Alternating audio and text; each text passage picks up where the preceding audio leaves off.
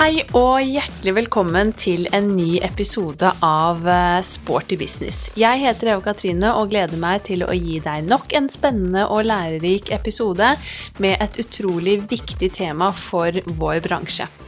Akkurat her hvor jeg nå befinner meg, i Oslo, så er det jo litt eh, kjipe tider. Vi har dessverre gått inn i en ny lockdown-periode der alle mm, treningssentrene våre igjen har måttet stenge dørene. Det er jo utrolig leit, syns jeg, spesielt med tanke på hvor ekstremt flinke alle i bransjen har vært med smittevern, og hvor mye tid og ressurser vi har lagt ned i å gjøre det trygt å møte opp på treningssenteret.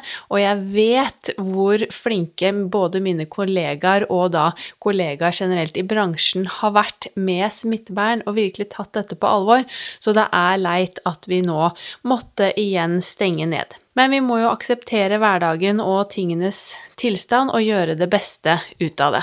Men jeg håper i hvert fall inderlig at vi ikke må holde stengt veldig mye lengre enn disse tre ukene, for treningssenteret er jo en utrolig viktig arena for svært mange mennesker, og nå når vi også går inn i den mørkeste og kaldeste tiden av året, så blir det jo ikke akkurat lettere for folk å komme i gang med trening og aktivitet utendørs. Det merker jeg jo bare selv, at når eh, klokka nå bikker fire og det allerede er mørkt ute og kaldt og surt, så er det ikke like motiverende å gå ut eh, og kjøre i gang egentrening som det var her i vår. Så det er jo en stor forskjell. Så jeg krysser fingrene og sender også varme tanker til alle dere andre som er berørt i bransjen og også har måttet eh, stenge ned. Så jeg krysser bare fingrene for at vi snart kan få lov til å møte opp på jobb igjen og ta imot eh, medlemmene våre som vi er så utrolig glad i. Men nå over til dagens tema, for eh, sammen med meg i dag så har jeg med meg mentaltrener og personlig trener ved Sterk helse, Barbro Sæta. Og hun jobber også nå i ROS, rådgivning om spiseforstyrrelser, og er vikarierende prosjektleder for et utrolig spennende prosjekt som nylig ble lansert. ROS har nemlig utviklet et eget eh, e-læringsprogram for alle oss som jobber i treningsbransjen med tittelen Når trening blir tvang, og dette online-kurset skal sikre grunnkunnskap om spiseforstyrrelser og gi ansatte en innføring i og håndtering av problematikken på en profesjonell måte. Dette er et fantastisk tilbud for alle oss som eh, jobber i bransjen. Både instruktører, PT-er, andre på senteret, ledelse. Eh, og det er også et utrolig viktig tema at vi løfter frem og tør å snakke litt høyere om. Så gled dere til en eh, spennende samtale, og ikke minst lærerik og kanskje litt tankevekkende. God lytt. Hjertelig velkommen til Sporty business, Barbro. Tusen takk. Veldig hyggelig å få lov til å skravle med deg i dag. Det ser jeg frem til, og et veldig spennende og ikke minst viktig tema. For vi skal snakke om uh, spiseforstyrrelser, og hva vi i treningsbransjen kan uh, gjøre for å forebygge og eventuelt uh, hjelpe de vi møter som kanskje har et problem. Vi kjenner hverandre jo faktisk fra Myrens uh, treningssenter. Men for de som ikke vet hvem du er, har du lyst til å fortelle litt uh, om din bakgrunn, hva du gjør i dag? Ja. Uh, først så må jeg si at det er veldig kult å få være med i den podkasten her. Jeg er ikke akkurat så veldig podkastvant. um, det er jo et tema jeg er veldig engasjert i, så det er bra at vi kan snakke om det. Eh, jeg heter da Barbro Sæta, og jeg eh, jobber i hovedsak på Sterk helse på Løren som mental og fysisk trener. Jeg eh, har vært i bransjen i snart ti år og har en bachelorgrad i ernæringsfysiologi og trenerutdanning. Jeg har mental trenerutdanning og, og ja. Og etter, på si så er jeg langrennsløper, da. Ja, ikke ja. sant. Ganske aktiv, vet jeg. Eh, ja. Jeg liker å stake langt. Så det er stort sett det jeg er god på. ja, jeg skjønner. Ja. Mm. Men uh, i tillegg nå til å jobbe på Sterk, så jobber du jo nå da i ROS, mm. rådgivning om uh, spiseforstyrrelser. Kan du ikke fortelle litt om uh, hvordan du selv havnet i den jobben, og ikke minst litt om det arbeidet ROS gjør, og hva det står for? Mm. Ja, eh, jeg fikk jo da ta over en eh, vikarierende stilling eh, som prosjektleder for det vi skal snakke om i dag. Eh, for Mari Aurum, som er hovedansvarlig eh, i ROS. Eh, og ROS det er jo en interesseorganisasjon som er for personer med et problematisk forhold til mat. Det er òg for pårørende og de som trenger veiledning og rådgivning i forhold til mat, trening og følelser. Mm. Og ROS eh, de er opptatt av og LV er opptatt av å forebygge eh, spiseproblematikk. Eh, det å ha gode holdninger og et sunt forhold til kropp og helse er veldig viktig. Og vi er opptatt av å nå alle. Mm, så sånn Alle vi som er ansatte i ROS, har eh, brukererfaring, eller vi har egen erfaring fra problematikken, og i tillegg til ganske sterk faglig tyngde, da. Mm. Vil du dele litt av din eh, bakgrunn, eller grunnen til at du er en av de som nå jobber i ROS? Ja, Um, ja, fordi jeg sleit med Jeg liker å si spiseproblematikk, for jeg hata ordet spiseforstyrrelser når jeg var sjuk i mange år. Og den hjelpa jeg fikk da, um, det har liksom gjort at jeg ville blitt det jeg har blitt, da. Og jeg veit jeg veit hvor ekstremt viktig det er, og jeg veit hvor viktig trening er i forhold til en sånn problematikk. Både hvis jeg ikke skulle fått lov å vært aktiv, så hadde jeg ikke blitt frisk på samme måte, tror jeg. Og det med følelser og sånn måten Sånn rådgivning og hjelp og sånn, så, så var det første jeg lærte når jeg var dårlig, var i hvert fall at det hjelper ikke hvor mye du veier, så lenge ikke huet er med, da. Så det er liksom noe som har satt seg, og ja, jeg jobber litt på den måten. Mm, veldig sant. Men hvordan ser hverdagen din ut i dag, da, og hvilke arbeidsoppgaver er det du nå har i ROS? Eh, ja, det er eh, hovedsak Nå lanserte vi jo eh, forrige mandag. Så nå er målet egentlig at flest mulig skal ta det kurset her i, fram til eh, juni 2021. For det er gratis eh, fram til da. Eh, så da er mitt, min jobb å følge opp. Følge opp treningssenter, følge opp eh, folk som trenger det. Oppdatere litt om åssen det går, og, og være vær der hvis noen trenger jeg håper jo å kunne holde litt foredrag og eventuelt Teams-møter og sånn. Ja.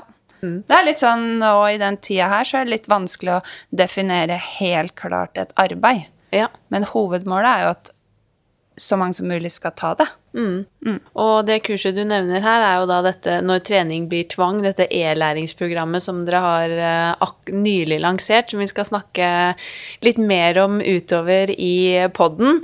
Men uh, når det gjelder dette med spiseforstyrrelser, da. Mm. er du komfortabel med det ordet nå, eller bør ja. man bruke andre Er det den definisjonen man bruker i dag?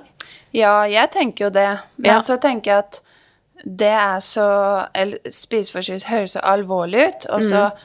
eh, Det skal vi sikkert snakke litt mer om, men det er den Hvor går grensa?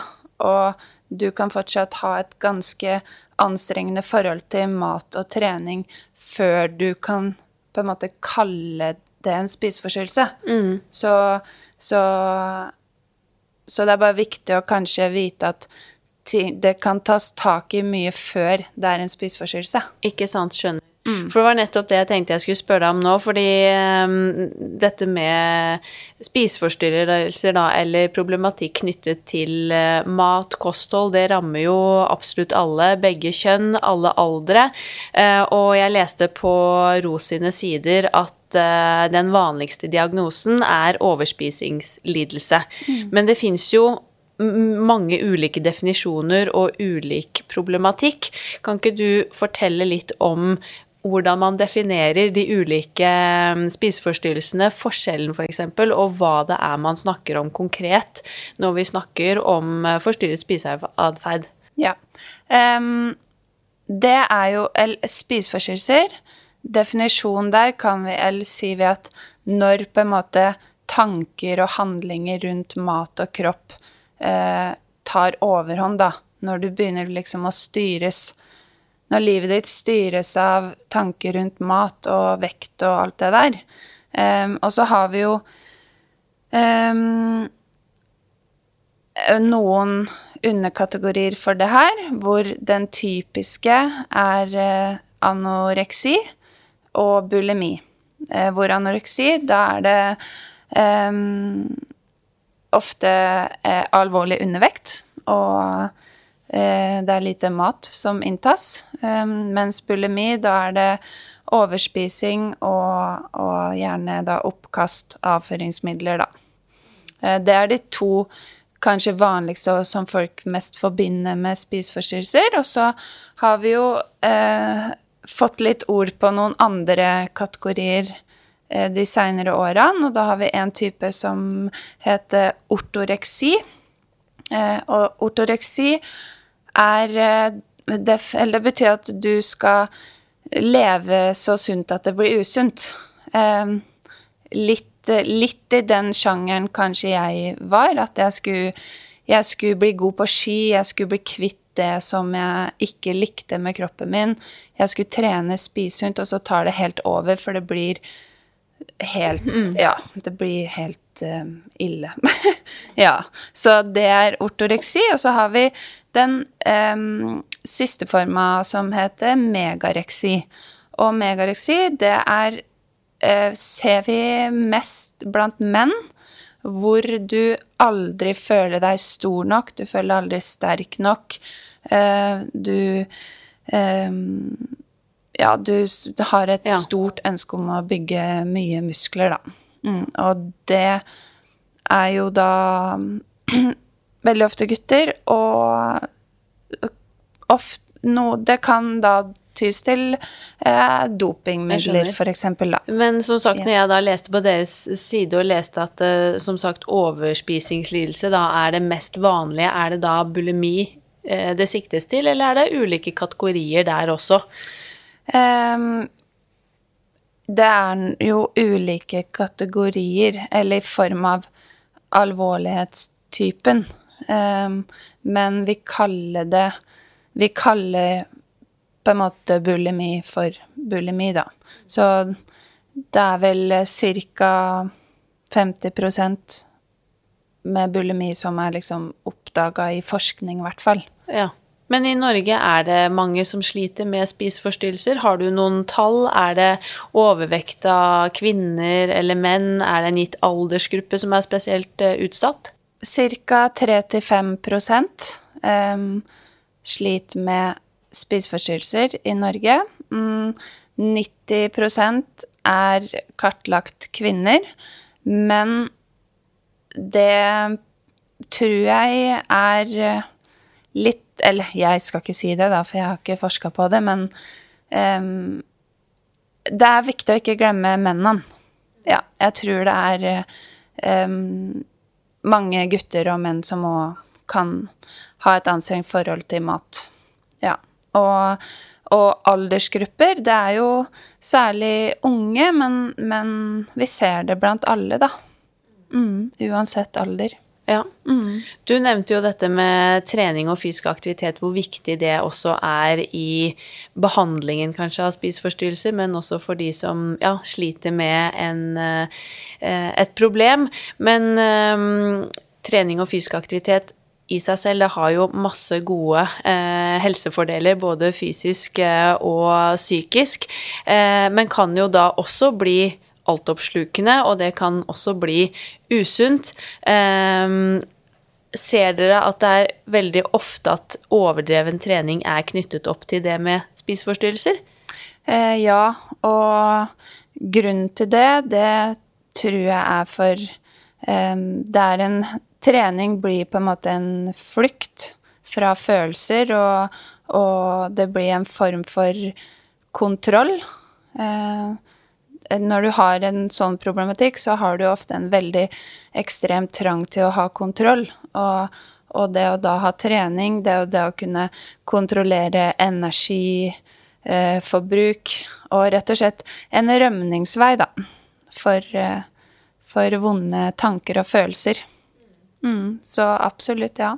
Ja, All type trening, eller er det noe som skiller seg ut? Fins det forresten mye forskning på dette området? Kjenner du til det? Er det liksom Har vi mye å, å se til når det gjelder eh, forskningsstudier, er det, eller er det begrenset? Mm.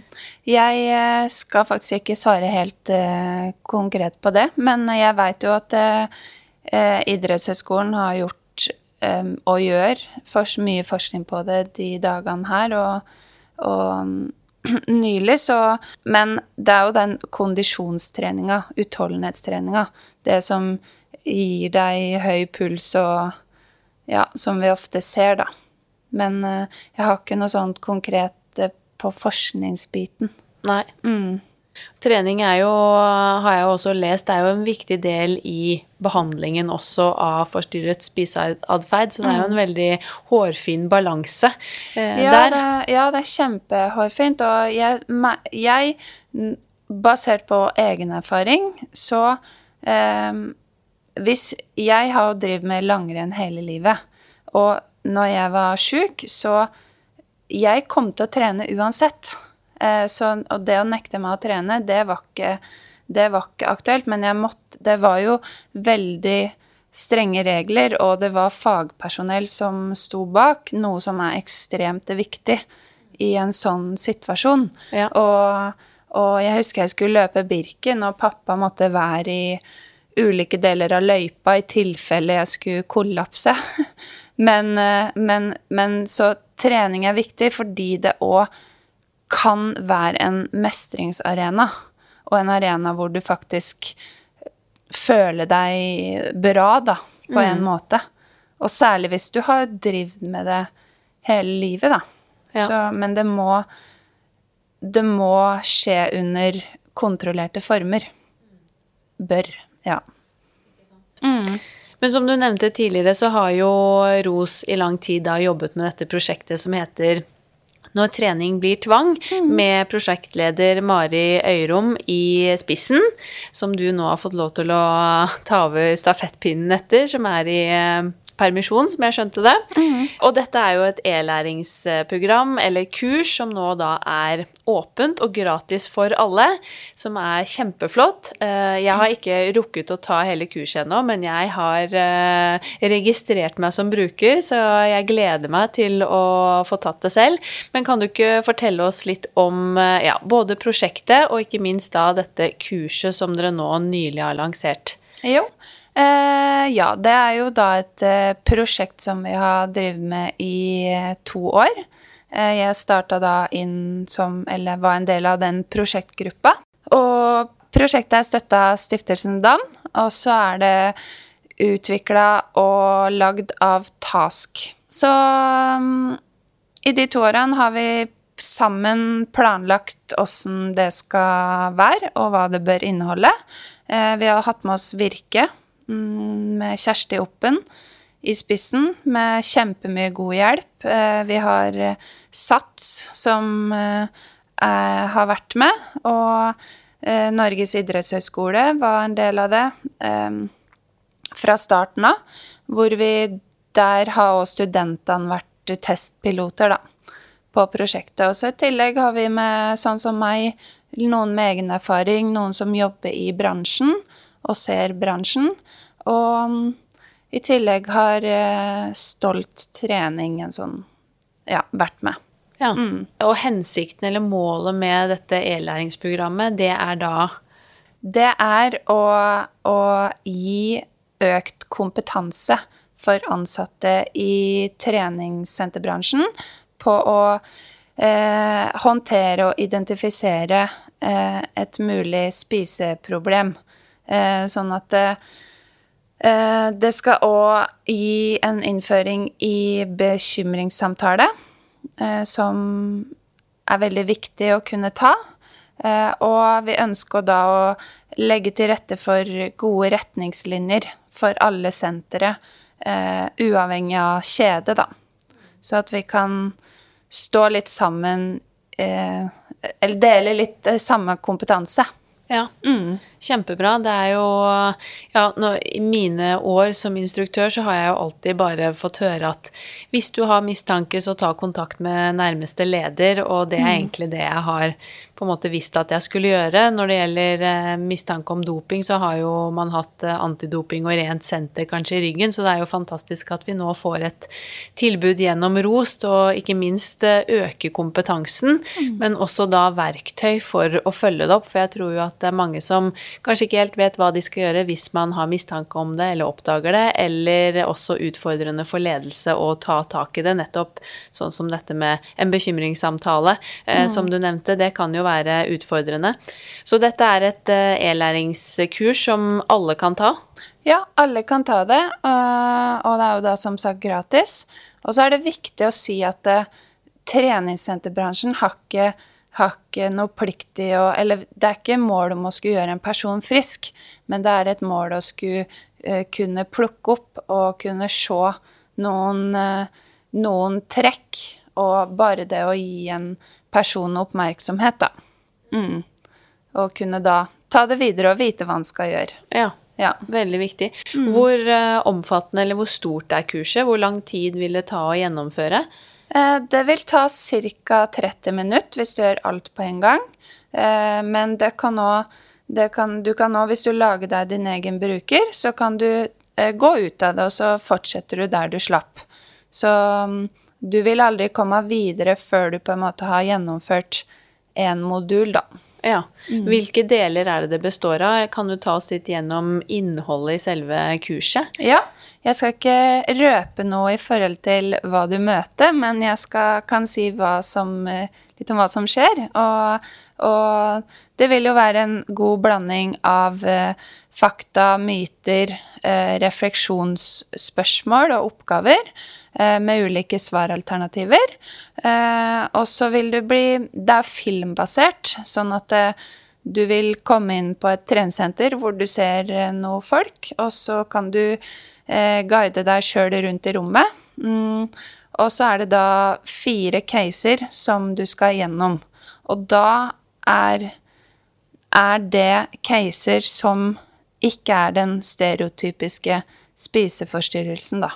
Ja, spennende. Mm. Får man noen form for uh, på en måte diplom eller godkjennelse etter at man har gjennomført det kurset? Ja, du skal få kursbevis ja. eh, på mail.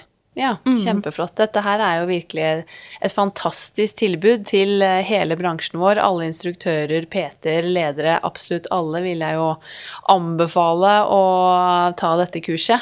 Ja, og ja, det det, jeg mener at det må du ta. så, for det er så viktig. Og, så, og det er veldig etterspurt av bransjen. Det har kommet mer og mer forespørsler om det. Og nå har det vært lansert en uke, og, og kjempemange gode tilbakemeldinger på at eh, det virkelig trengs. Og at eh, folk får litt øynene opp og kanskje se seg litt mer rundt, da. Og ja. særlig ja, i forhold til gruppetrening. Ikke bare på senter. Det er jo kjempe det er jo kjempemange folk du møter. Ja, mm. og ikke minst blant ansatte ja, ja. Eh, i treningsbransjen. Jeg har jo hatt en eh, podkast om det tidligere, om dette med kroppsfokus i bransjen.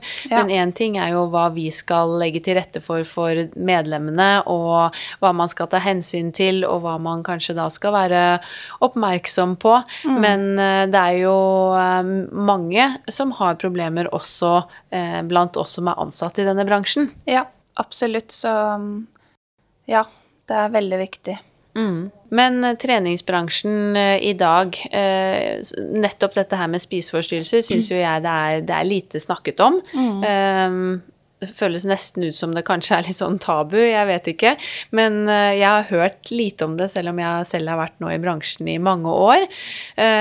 sånn at vi har jo godt av å snakke høyt om dette og ta det opp blant de ansatte. At man kanskje litt, har litt mer åpenhet om det eh, på senteret, sånn at man blir litt tryggere som instruktør og PT også, og kunne ja, ta tak i lederen sin og kanskje komme med en bekymringsmelding da, hvis det er eh, noen man er litt bekymra for i salen eller i studio. Ja. Men som helhet, hvordan syns du eh, treningsbransjen jobber i dag når det gjelder dette med kroppsfokus? Mm. Um, jeg syns det er litt uh, vanskelig å svare på, fordi jeg føler at jeg er mest inne i der jeg jobber sjøl. Uh, eh, men uh, Og der er vi veldig flinke på å ha klare linjer og retningslinjer på åssen vi skal være, og åssen medlemmene får lov å oppføre seg.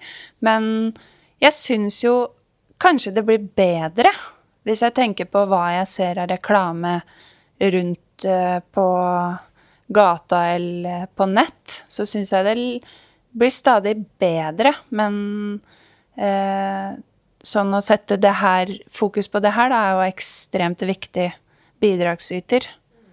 Så Helt klart. Jeg òg opplever at det går i riktig retning, i hvert fall. Ja. Eh, jeg syns også jeg ser færre plakater i dag som er eh, kroppsfokuserte. Mm. Eh, og det er ja, kanskje litt mindre navn på spesielt sånn som gruppetrening, som jeg er, har stor lidenskap for, som er kroppsfikserte. Ja. Der har det jo også faktisk kommet litt, litt forskning nå som også viser at ja, f.eks. gruppetimenavn med et navn som som antyder et ytre fokus eller utseende, faktisk er med på å redusere motivasjonen til deltakerne, og det gjør kanskje at de vegrer seg for å møte opp. Ja. Eh, sånn at man blir jo påvirket av både ja, gruppetimenavn, eh, markedsføring på senteret, mm. eh, hvordan det ser ut, og ikke minst hvordan vi ansatte eller vi som jobber i bransjen, ter oss. Mm. Men er det ting du tenker at vi på treningssentrene kan gjøre for å forebygge ytterligere for eh, ja, spiseforstyrrelser og fremme denne sunne, gode helsen? Eh, jeg tenker at vi må i hvert fall ha en, et klart bilde av åssen vi ønsker å opptre sjøl. Eh, og jeg ønsker jo enda større grad av kompetanse rundt det og åssen vi skal ordlegge oss, åssen vi skal snakke, eh, og hva vi skal si. Fordi ja, hvis vi tar en gruppetime, da, eller bare uansett hva du snakker med om Det er så lett å si feil, og jeg mener ikke at uh, det, er, det er lett å si feil, og det må være lov, men men å liksom kunne være litt mer reflektert rundt åssen vi faktisk bruker ordbruken, da. Og kanskje kroppsspråk òg. Um, men i hvert fall at i hovedsak han går Han veit sjøl åssen han skal opptre. Veldig viktig, og ikke minst ja, at man gjør som man sier. Sånn at det ikke blir veldig selvmotsigende, sånn at en instruktør og PT fremmer en veldig sunn eh, livsstil og helse på en gruppetime eller en PT-time, og så har man kanskje et helt annet budskap i sosiale medier, som mm. i dag er eh, stort og har stor eh, innflytelse. Eh, ja, sosiale medier, det er jo et tema for seg sjøl, eh, og jeg mener at alle her òg, alle må gå inn i seg sjøl. Det er første punkt. Men når du jobber på et senter, så har du òg noen eh, retningslinjer du bør forholde deg til. Og, og, og det å fremme Fremme god helse, god aktivitet, og ikke legge all vekta på kropp og utseende og alt det der, tror jeg er veldig viktig. Mm, helt klart. Jeg pleier også å si når jeg har, eh, holder kurs, f.eks., ja. så legger jeg det inn som et sånn eh, punkt under eh, etikk eller etiske retningslinjer. Mange sentre har jo sine egne retningslinjer, men vi har jo ikke liksom per i dag noen offisielle retningslinjer for hele bransjen. Nei. Men der er jo dette med sosiale medier faktisk et veldig viktig punkt. For i hvert fall hvis man jobber som en aktør i bransjen og velger å ha en offentlig profil, da f.eks. på Instagram, mm. så tenker jo jeg at det er veldig viktig at da skal det gjenspeile helst treningssenterets verdier og hva det stedet du Eller der du jobber, at det reflekterer også det du viser ut av de sosiale medier, og ikke minst det du sier og gjør på senteret. Ja. Sånn at det er en uh, klar sammenheng der, sånn at du virkelig um, gjør det du sier. Mm. Ja, og da tenker jeg det òg Her har jo treningssentrene òg en oppgave, et ansvar om å faktisk ha de retningslinjene og være bevisst på åssen eh, de vil fremstå, da. Så da er det jo lettere for de ansatte òg. Helt klart, og mm. da er det mm. også lettere å ta tak i det hvis det er noe som sklir ut. Ja. Hvis man da har eh, noen verdier og retningslinjer i bunn å gå tilbake til. Mm. Men som ansatt da på et treningssenter eller uh, i bransjen generelt, hvis du har uh, bekymring Én ting er jo som sagt, hvis vi tar de ansatte først, da. Hvis du mm. er knyttet til et senter, er ansatt, du har bekymring for en på en gruppetime eller en PT-kunde, hva bør man gjøre da? Mm. Um det er litt um, det, Hvert senter skal jo ha en ansvarlig person, uh, som veldig ofte er daglig leder, men det trenger ikke å være det. Uh, jeg tenker at hvis det er en person som er på en gruppetime, det er en person som er på den samme gruppetimen med den samme instruktøren, så vil det være veldig naturlig at det er instruktøren som tar, uh, som tar ordet først, da. så det å det å det trenger ikke å være så stort. Det kan være, det kan være, å gå bort til personen etter timen og spørre hva syns du om timen i dag, hvordan var kroppen? Bare sånn se, For det handler om å bli sett. Det handler om å, å ja, se personen. Og da er det ikke alltid det er mer som skal til. Og så, og så kan det være kan det være noe du kan bemerke, men det tenker jeg er Det tenker jeg du ikke gjør før du eventuelt har fått en dialog med vedkommende.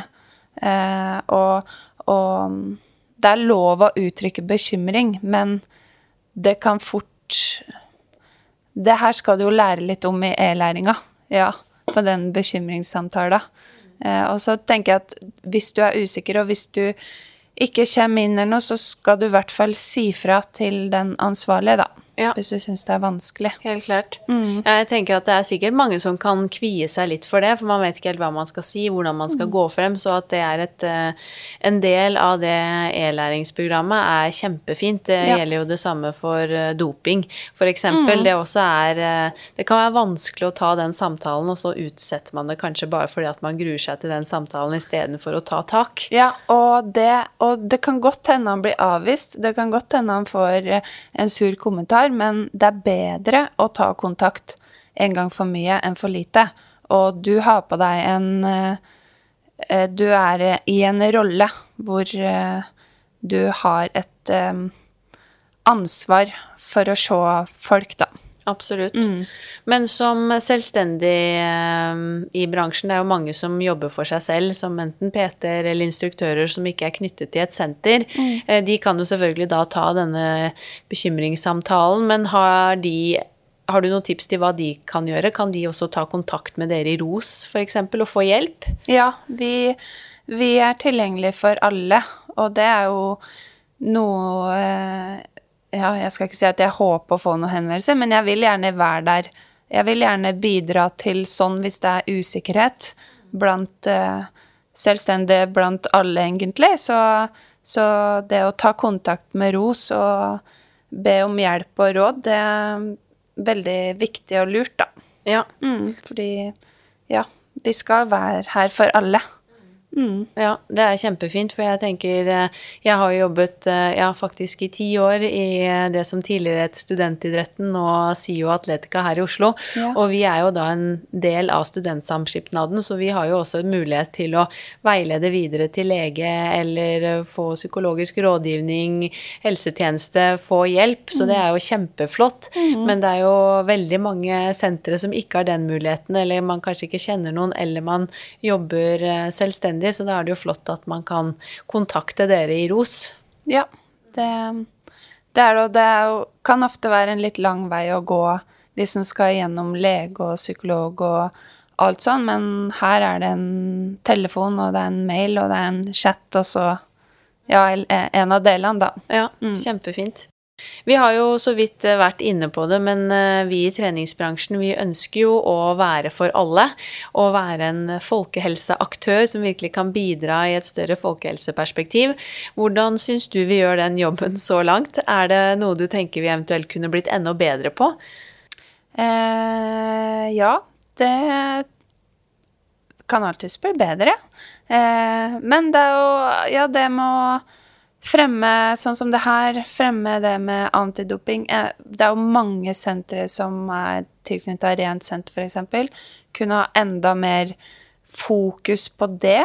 Eh, spille enda mer på helse utad. God helse. Men jeg skjønner jo at det er vanskelig vanskelig òg, da. Også mitt sånn mitt ønske, da, det Jeg ønsker jo et mer sånn enda mer tverrfaglig samarbeid, hvor du kan bruke samarbeidet med behandlere, du kan samarbeide med eh, coacher eller psykologer Altså at det kan være mer et breiere spekter av tilbud, da. Um, det, det det håper jeg treningsbransjen kan utvikle seg enda mer. Mm, så enig. Og også dette med å tørre å snakke om akkurat det temaet vi snakker om i dag, blant eh, ansatte.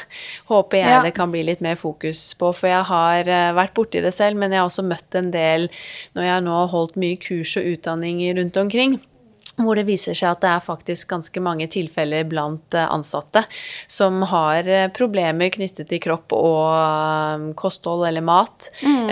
og som ja, kanskje føler på litt press fra bransjen for at det er eh, Man bør se sånn og sånn ut, eller man skal være sprek og godt trent for å kunne ha timer eller være PT, og at det ikke snakkes om eh, blant de ansatte. Og mm. der tenker jeg at eh, der tror jeg vi mange av oss kan bli enda flinkere, for da er det jo også mer rom for å kunne si fra eller få hjelp. Ja, det er så viktig å snakke om det. og ja, det temaet her burde egentlig vært oppe på Ja, det er fantastisk at det blir tatt opp i podkast og sånn, men at det burde, burde vært oppe mye oftere, da. Og, og vi ser jo mange av henvendelsene kommer jo akkurat fra personer som har tatt eller tar typisk PT-utdanning fordi at det veldig ofte oppsøker en kunnskap. Han oppfører det er så mye usikkerhet, og han vil så mye bra, og så, og så stokker alt seg, da, i huet. Så det er jo det er, Ja, det er kjempeviktig blant de som jobber på, på senter òg. Mm, helt klart. Um, jeg vil i hvert fall uh, anbefale alle som hører denne poden, å ta dette e-læringskurset. Det er jo gratis i tillegg. Det er jo det er helt gratis. fantastisk. Ja. Uh, og det er for uh, alle. Så jeg gleder meg selv til å få tatt det, og skal anbefale det varmt. Jeg syns dere har gjort det Det er en fantastisk jobb, og dere gjør en fantastisk jobb. Så jeg håper at bransjen vår også kan bli flinkere til å snakke høyere om dette og benytte seg av dyktige folk som dere i ROS.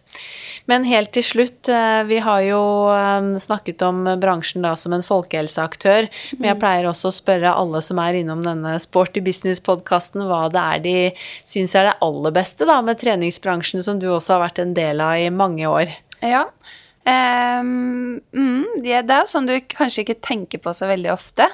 Uh, men når jeg fikk spørsmålet, så tenker jeg at jeg er sjukt takknemlig over å kunne møte så mange folk. Vi har eller så mange forskjellige folk. Du møter jo alt fra Og du kan gjøre det å kunne gjøre en så stor forskjell i personers liv, da, på helse, som er, som er det viktigste vi har. Vi har Vi kan Ja, alt fra Ja, de som trenger bare noen å prate med, noen, et høydepunkt i hverdagen, til de som skal nå mål på idrett. Altså, det er så mye, da. Og det, det tror jeg må være det beste. For at de øyeblikkene du virkelig klarer å Hvor du virkelig bidrar til noe skikkelig positivt, da. Det, det er ganske stort, faktisk. Ja. Og det kan faktisk være å Eh, lære seg å hoppe tau òg. Ja. Det har jeg vært vitne til stor glede ved. Ja. Ikke sant? Ja, det er ganske unikt og veldig mange møter med fine folk. Jeg har også hatt en del av de opplevelsene opp igjennom hvor du får noen ord om eh, ja, hva denne treningen eller en gruppetime har betydd for eh, det mennesket i løpet av hverdagen, og det, mm. det varmer veldig. Ja. Eh, det gjør det. Mm. Ja, og så er det jo bare det å kunne ha en aktiv jobb, det å kunne Og det, i treningsmarkedet det er jo så mange ålreite folk. Det er jo overalt, da, men, men eh, det er jo ofte aktive og energirike folk, da. I hvert fall som jeg har jobba med de ti årene her. Mm -mm, ja, helt så... klart. Det er veldig morsomt, fordi alle jeg har innom denne poden, nevner ja, folka i bransjen. Ja, for, ja, men det er bra. det er eh, så mye glede, og ikke minst da passion og lidenskap som alle nevner, og at folk er utadvendte og blide, og du blir godt, mm. tatt godt imot, så ja. Ja, jeg, så sånn sett ligger jo egentlig alt til rette for at vi skal kunne tørre å være enda mer åpne om ting som er litt uh, tøft å snakke om òg. Mm. Mm. Godt poeng. Ja. Helt til slutt, har du noen du har lyst til å sende stafettpinnen videre til i podkasten? Er det noen du kan anbefale meg å intervjue som du selv ville hørt i Sporty business? Ja, um, jeg syns jo du har hatt veldig mange bra gjester hittil, og, og har liksom tenkt litt. Og det første som faktisk dukka opp i huet mitt, det var um, Kjetil André Aamodt. ja. Fordi han holdt foredrag på NIH Convention.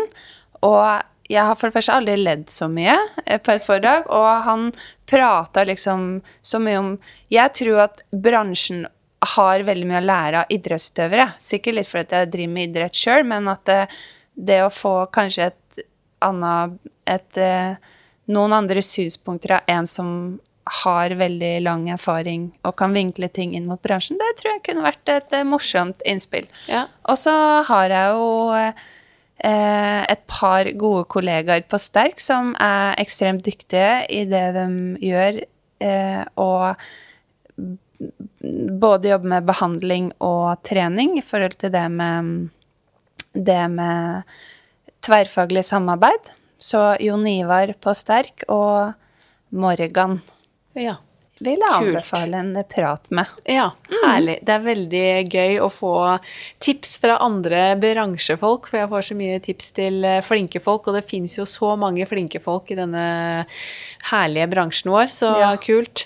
Det, det, er notert på listen. Ja, bra. Mm. Tusen hjertelig takk for en superfin og ikke minst lærerik eh, prat, og så skal jeg virkelig hjelpe til å fronte dette flotte e-læringsprogrammet til resten resten av bransjen, for det trenger vi virkelig. Så tusen hjertelig takk, eh, Barbro.